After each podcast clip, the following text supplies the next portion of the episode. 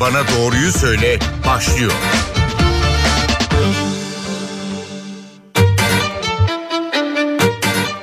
Merhaba NTV Radyo'da Doktor Bana Doğruyu Söyle başladı. Ben Zeynep Gülalp. Covid döneminde kullanılan takviyeler vücudumuzu nasıl etkiledi? Türkiye'de zehirli guatr vakalarının öne çıktığına yönelik haberler var. Bugün bu konuyu konuşacağız, nedenlerini konuşacağız ve sorularımızı bugün konuğumuz olan Endokrinoloji Derneği üyesi Profesör Doktor Okan Bülent Yıldız'a soracağız. Siz de bize sorularınızı 0530 010 22 22 numaralı WhatsApp hattından iletebilirsiniz. Hocam hoş geldiniz yayınımıza.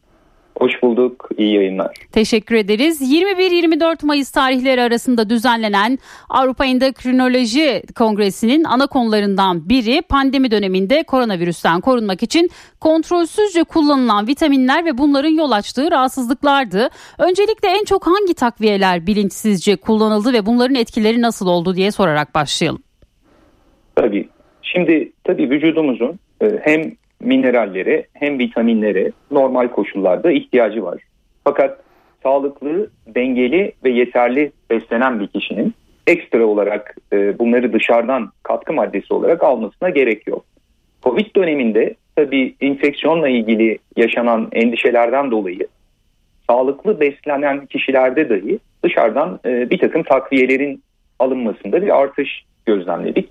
Bunlar içinde en önemli ikisinin e, iot ve vitamin D olduğunu ama beraberinde selenyum, e, C vitamini, çinko kullanımının da arttığını gördük. Şimdi bunların hepsi tabii vücudumuz için gerekli ama bu gereklilik uygun miktarda alındıklarında e, vücutta sağlıklı olmamızı kolaylaştırırken yüksek miktarda bırakın yararlı olmayı zararlı da olabiliyorlar ki bu anlamda biz hem e, iot için hem de D vitamini için fazla kullanımın zarara yol açtığını biliyoruz. Şimdi aşırı iyot tüketimi sonucunda zehirli guatr vakalarının arttığını belirtiyorsunuz. İyotun kapsamını biraz bize açarsanız en çok duyduğumuz bizim tuzlu suyla gargara yapılmasıydı pandemi döneminde ve içeriğinde yosun olan takviyeler vardı. Bunların kullanımı çok mu arttı bu dönemde? Evet şimdi iyot aslında bizim vücudumuz için mutlaka gerekli olan bir eser element ve normal tiroid fonksiyonu için yani tiroid bezimizin tiroid hormonunu yapabilmesi için gerekiyor ve iot eksikliği durumunda gelişimsel problemler, fiziksel e, ya da öğrenme bozuklukları görebiliyoruz. Bu nedenle 2000'li yılların başından beri Türkiye'de zaten zorunlu tuzların iyotlanması söz konusu. Bu anlamda da ülkemiz 2000'li yılların öncesinde iot eksikliği bölgesiyken şimdi özellikle şehir merkezlerinde bu sorunun oldukça azaldığını görüyoruz. Dolayısıyla iyoda ihtiyacımız var mı? Evet var. Peki hangi besinlerde iyot var diye bakacak olursak e, deniz ürünleri ön plana çıkıyor burada. Balık e, başta olmak üzere ama deniz yosunlarında da var. Lahana, ıspanak, e, pazı, kabak, e, havuç, turp gibi gıdalarda var. Ama en önemlisi iyotlu tuzda var ki bir çay kaşığı e, 4-5 gram iyotlu tuz zaten sizin günlük iyot ihtiyacınızı fazlasıyla karşılıyor. Türkiye'nin ortalamasının ise 2 çay kaşığı olduğunu söyleyebiliriz.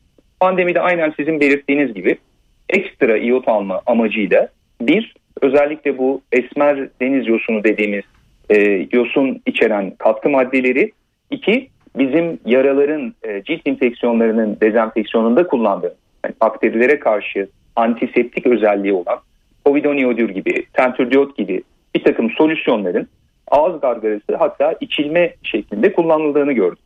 Tabi bu durumda aşırı miktarda iota aniden tiroid beziniz maruz kaldığında A tiroid bezinizin bağışıklık sistemi tarafından yabancı bir doku gibi e, kabul edilmesi ve az ya da çok çalıştırılması söz konusu oluyor. Türkiye'de bu daha fazla fazla çalışma olarak karşımıza yani zehirli guatr durumu olarak karşımıza çıkıyor.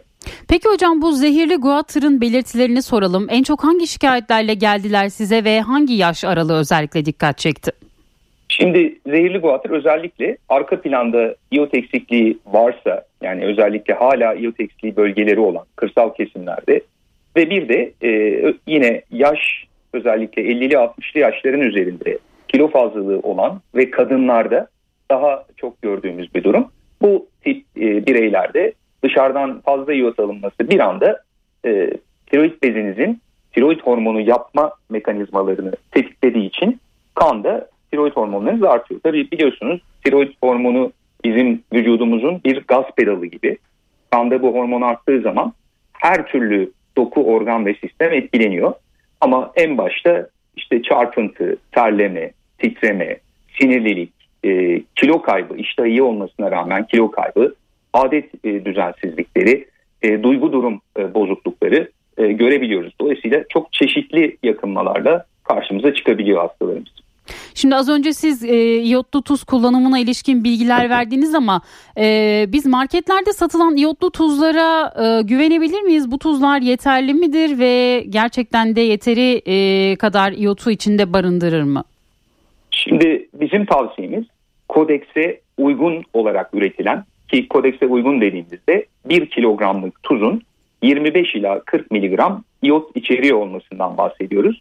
Rafine, iyotlu sofra tuzu kullanımı. Şimdi burada bir üretimle ilgili problemler olabiliyor. Tabii üretimde az ya da fazla olma durumu söz konusu olabilir kalite kontrolüne göre. Ama bir de rafta nasıl saklandığı son derece önemli. Yani iyotun tuzdan yeterli olarak alınabilmesi için e, bu iyot içeren tuzun loş ortamda yani güneş ışığına maruz kalmayan ve serin şekilde muhafaza ediliyor olması lazım. Yani uygun koşullarda muhafaza ediliyorsa, kodekse uygun üretilmişse ve rafine iyotlu sofra tuzuysa bu tuzun bir çay kaşığının kullanımı ki Türkiye'de ortalamanın iki çay kaşığı olduğunu söyledik.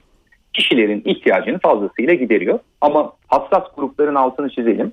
Gebeler, emzirme döneminde olan kadınlar ve büyüme çağında olan çocuklar iot açısından yüksek ihtiyacı olan gruplar. Bu gruplarda eğer hekimler iot eksikliği saptamışsa dışarıdan ayrıca iot verilmesi söz konusu olabilir. Hocam şimdi özelliklerini siz sıraladınız. Şöyle söylemler var işte bu iyotlu tuz paketlerini açtığımız anda iyotu kayboluyor ve biz yine e, normal tuza e, maruz kalıyoruz diye. Böyle bir durum söz konusu olur mu? Yani bu kadar çabuk yok olan bir şey mi bu iyot? Şimdi tabii iyot e, sonuçta biliyorsunuz denizden e, denizde bulunan bir mineral e, bu buharlaşarak havaya ondan sonra yağmurlarla toprağa karışıyor. Ama işte çok yağış alan yerlerde toprakta yeterince olmadığı için siz besinlerden de topraktan aldığınız besinlerden yeterince alamıyorsunuz. Dolayısıyla iyotun yapısı hassasiyet gösteriyor. Bu nedenle biz mesela yemeklerde iyotlu tuz kullanılırken özellikle piştikten sonra eklenmesini öneriyoruz. Yine rafta saklama koşulları da sıcağa maruziyet örneğin yaz döneminde ya da güneş ışığına maruziyet evet iyotun içindeki e, tuzun içindeki iyotu etkisiz ve az hale getirebilir. Şimdi bu deniz tuzunu da soralım. Sıklıkla kullanılıyor artık bu tuzlar ya da kaya tuzları. Bunlar ne kadar sağlıklı ve bunların içinde iyot ne kadar var? Şimdi bunların tabii iyot miktarı için kesin rakamlar vermek mümkün değil. Çünkü hani kodekse uygun üretilip üretilmediklerini bilmiyoruz ama kaya tuzunda kabalıkta iyot olmadığını e, söyleyebiliriz. Deniz tuzunda da kodekste önerilenden daha yüksek miktarda e, iyot bulunuyor olabilir ki o zaman da bunun az miktarda kullanımı bile e, bizim için zararlı etkilere de yol açabilir. Dolayısıyla biz öneriyor muyuz? Biz bu tip tuzların e, kullanılmasını önermiyoruz. Dolayısıyla rafine, iyotlu sofra tuzu doğru seçim olur. Şimdi özellikle yaz mevsimindeyiz ve e, tuz kaybımız oluyor. Özellikle tansiyonu düşük olanlara hemen bir tuzlu ayran içirin, tansiyonu yerine gelsin denildiğini e, halk arasında biliriz. E, tuzun bu noktada önemini bize biraz anlatır mısınız hocam? İnsan vücudu için nasıl bir etkisi oluyor? Özellikle bu anında tansiyonu yükseltmesi ya da tuz kaybında yaşanan rahatsızlıklar bunu bize biraz açarak anlatır mısınız? Tabii. Şimdi tuz dediğimizde esasen hani biz içindeki iot e, endokrin organlar ve tiroid için yararlı olandan bahsettik. Ama vücudumuzun 7 tane dışarıdan hani kendi yapamadığı alması gereken mineral var ve tuzun içinde de bunların iki tanesi bulunuyor sodyum ve klorür. Dolayısıyla sodyum ve klorür dışarıdan almak durumundayız. Hani vücudumuzun biliyorsunuz zaten 3'te 2'den fazla sıvı. Bu sıvının içinde de tuzun önemi var. Ama Türkiye'de biliyorsunuz aynı zamanda e, hipertansiyon ve e, kronik hastalıkların da metabolik hastalıkların da sıklığının çok yüksek olduğunu biliyoruz. Bu anlamda da tuzun fazla kullanılmasını da teşvik etmiyoruz. Aslında Dünya Sağlık Örgütü'nün günlük tuz kullanımı için önerisi 5 gram ve 6. Bu da hani bir tepeleme çay kaşığına karşılık geliyor. Türkiye ise günlük 10 e, grama kadar indirebildi. Aslında bundan 10 yıl önce 15 gramlardaydı. Türkiye'nin tuz tüketimi çok yüksekti. Biz Tabii tuz, sadece genel e, olarak tuzlu yemeği mi seviyoruz yoksa e, Türkiye'nin coğrafyasına ait böyle bir ihtiyaç mı var insanların? Yani dışarıdan tuz kullanımı tabii bizim bir alışkanlığımız ama bunun ötesinde Türkiye'de ekmek tüketimi çok yüksek. Dolayısıyla e, esas ana kaynağın ekmek olduğunu biliyoruz. Dolayısıyla hani ekmekten aldığımız tuz ve bizim yemeklerimizin özelliklerine de bakarsanız gerek kırsalda gerek şehirde çok e, tuzlu tüketmeyi sevdiğimizi söyleyebiliriz. Dolayısıyla tuzu azaltmamız gerekiyor Türkiye'de. Peki tuzla e, orantılı olarak su tüketimi nasıl olmalı? Tabii su tüketimi de vücudumuzun yine üçte ikisinin su olduğunu e, düşünürsek ve havaların da şu anda çok e, sıcaklaştığını düşünürsek bizim ciddi bir e, sıvı kaybımız oluyor bu tip havalarda. Dolayısıyla günlük sıvı tüketimimizin de vücudun ihtiyacını karşılaması lazım. Bu anlamda hani minimum rakam konuşacak olursak bu kadar yüksek sıcaklıklarda hani böyle ortalama kiloda bir erişkin için günlük 5 ila 6 bardak en azından su içmenin sağlık açısından önemi var. Hemen merak ettiğim için şunu sormak istiyorum. Genellikle yaz aylarında su yerine maden suları da e, sıklıkla tüketiliyor. Bu su ihtiyacını karşılar mı ya da e, kandaki tuz oranına bir etkisi oluyor mu? Özellikle tansiyon hastalarının mesela kullanılması çok fazla tavsiye edilmez ama siz ne söylersiniz hocam bu konuyla ilgili? Tabii yani hani tabii diğer e, böyle özellikle e, yapay şeker içeren e, sıvı içecekleri e, tavsiye etmiyoruz. Ama soda yani yine hangi soda olduğuna bağlı olarak içinde eser e, element, mineral bulunabiliyor. Dolayısıyla hani tuz miktarına dikkat ederek hani soda içmenin aşırıya kaçılmadığı sürece zararı olmayabilir. Ama tabii su ihtiyacının tamamını böyle soda gibi içeceklerden karşılamak uygun olmaz. Peki şimdi D vitaminine gelelim. D vitamininin aşırı kullanılmasının vücuda ne gibi zararı oluyor? Önce bunu sorarak başlayalım bu konuda. Tabii şimdi D vitamini de e, vücudumuz için gerekli. Aslında orada bir yanılgı var. Hani besinlerle aldığımız için adı da vitamin olduğu için bir besin gibi gözüküyor ama aslında D vitamini bir hormon. Dolayısıyla dışarıdan alınma yanında vücudumuzda da yapılıyor. Besinlerden almanın dışında güneşe maruz kaldığında cildinizde D vitamini yapıyorsunuz. Türkiye yine D vitamininin e, eksik olduğu ülkelerden bir tanesi. Bizim yaptığımız hani büyük çalışmalardan bir tanesi %80'e varan oranda D vitamini eksikliği olduğunu gösteriyor. Dolayısıyla dışarıdan D vitamini almalı mıyız? Evet almalıyız. Dengeli, yeterli, sağlıklı besleniyorsak e, ihtiyacımızı karşılar mı? E, karşılayabilir.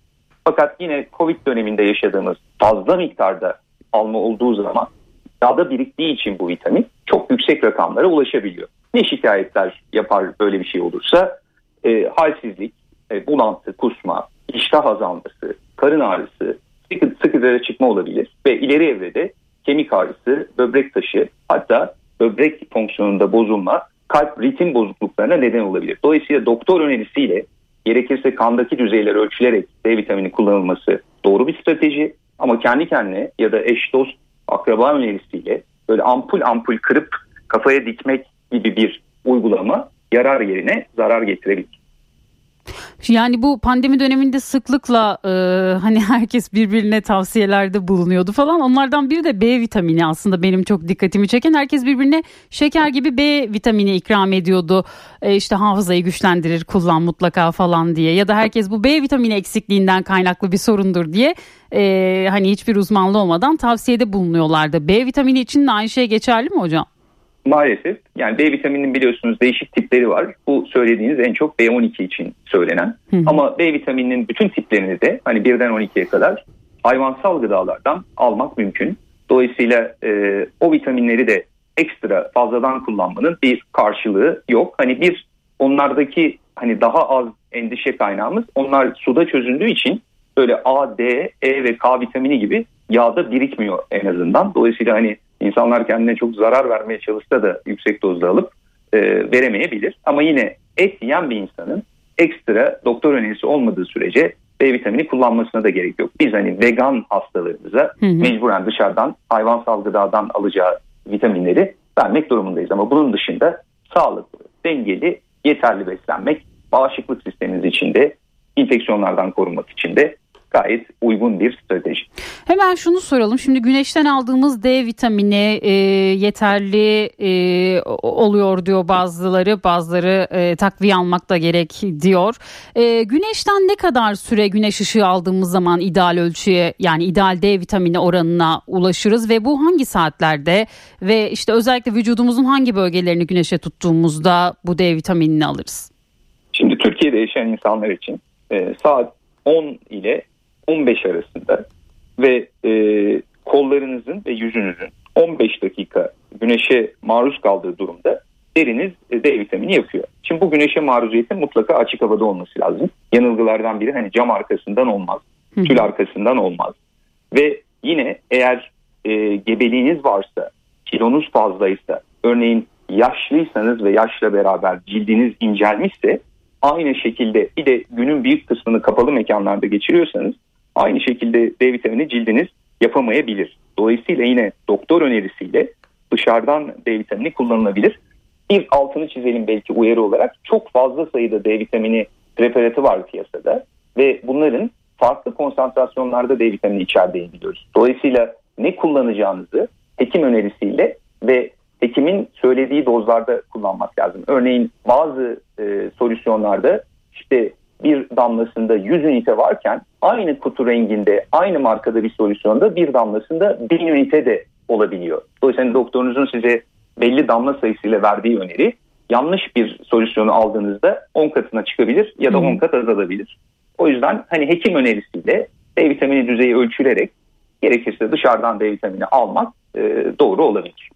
Peki şimdi yine e, Covid döneminde özellikle ortaya çıkan bir konudan da bahsedelim. Pankreas üzerinde etkisi olduğu Covid'in ve diyabet hastalarının bu nedenle diyabet hastalığının arttığına yönelik bilgiler var. Bu konuyu biraz açar mısınız hocam? Pandemi sonrası şeker hastalığında bir artış oldu mu?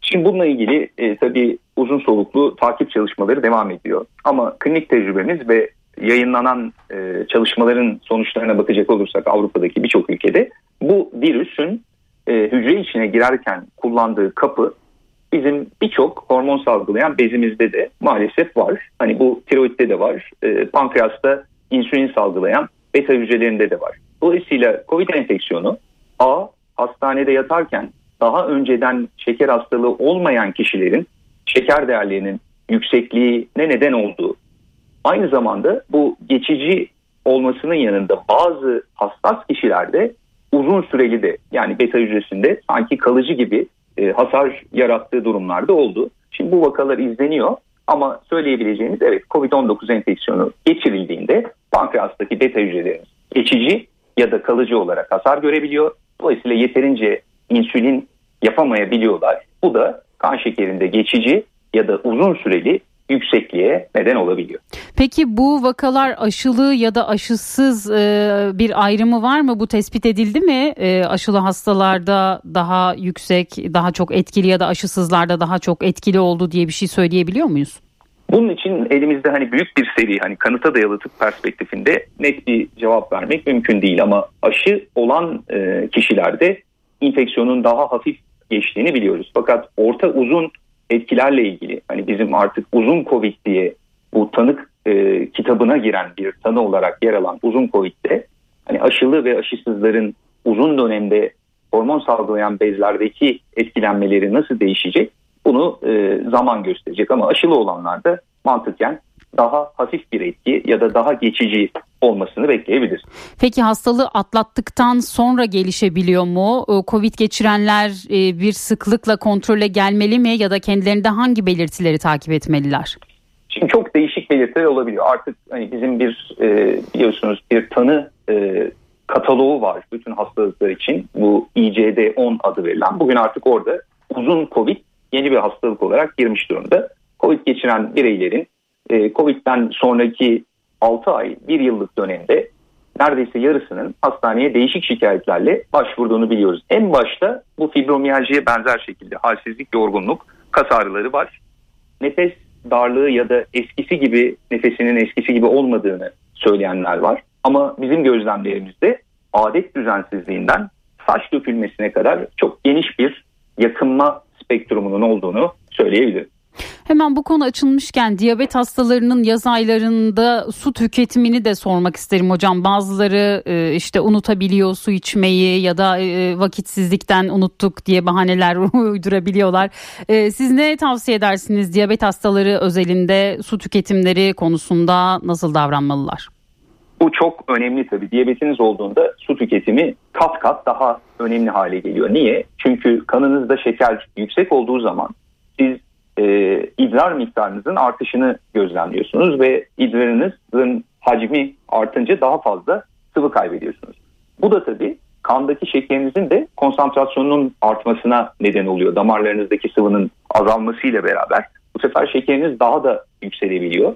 Özellikle yaşlılarda, özellikle yatağa bağımlı olanlarda ve diyabeti olduğunda susama merkezinde problemi olabiliyor bu tip hastalarımızın. Mutlaka e, su tüketmeleri gerekiyor. Hatta hani susama susamasalar bile saat e, kurarak belli aralıklarla vücudun ihtiyacı olan sıvıyı almak çok önemli. Aksi takdirde bir anda özellikle yaşlı hastalarımızda hani şeker komasıyla da hastaneye e, yatmak e, söz konusu olabiliyor. Dolayısıyla diyabetlilerde yaz döneminde özellikle e, sıvı tüketimi diyabeti olmayanlara göre çok daha fazla önemli. Sıvı derken tabii çay kahve buna dahil değil diye herhalde değil, değil. mi hocam bunu da belirtelim. Tabii değil Hı-hı. ve sıvı içeren şekerli meyveler de değil. Hı-hı. Mesela burada hastalarımızdan örnek karpuz. Evet. Yani karpuzu e, hani yarım karpuzu bir dilim sayıp yemek değil burada çözüm. Hani Hı-hı. normal sudan bahsediyorum. Çok teşekkür ediyoruz hocam programımıza katıldığınız bizi bilgilendirdiğiniz için. Ben teşekkür ederim. İyi yayınlar. Çok teşekkürler.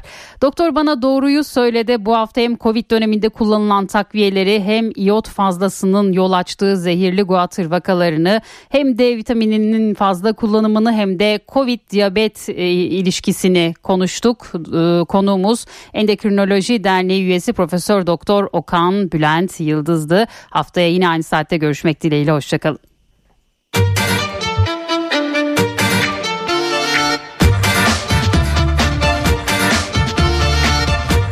Bana doğruyu söyle.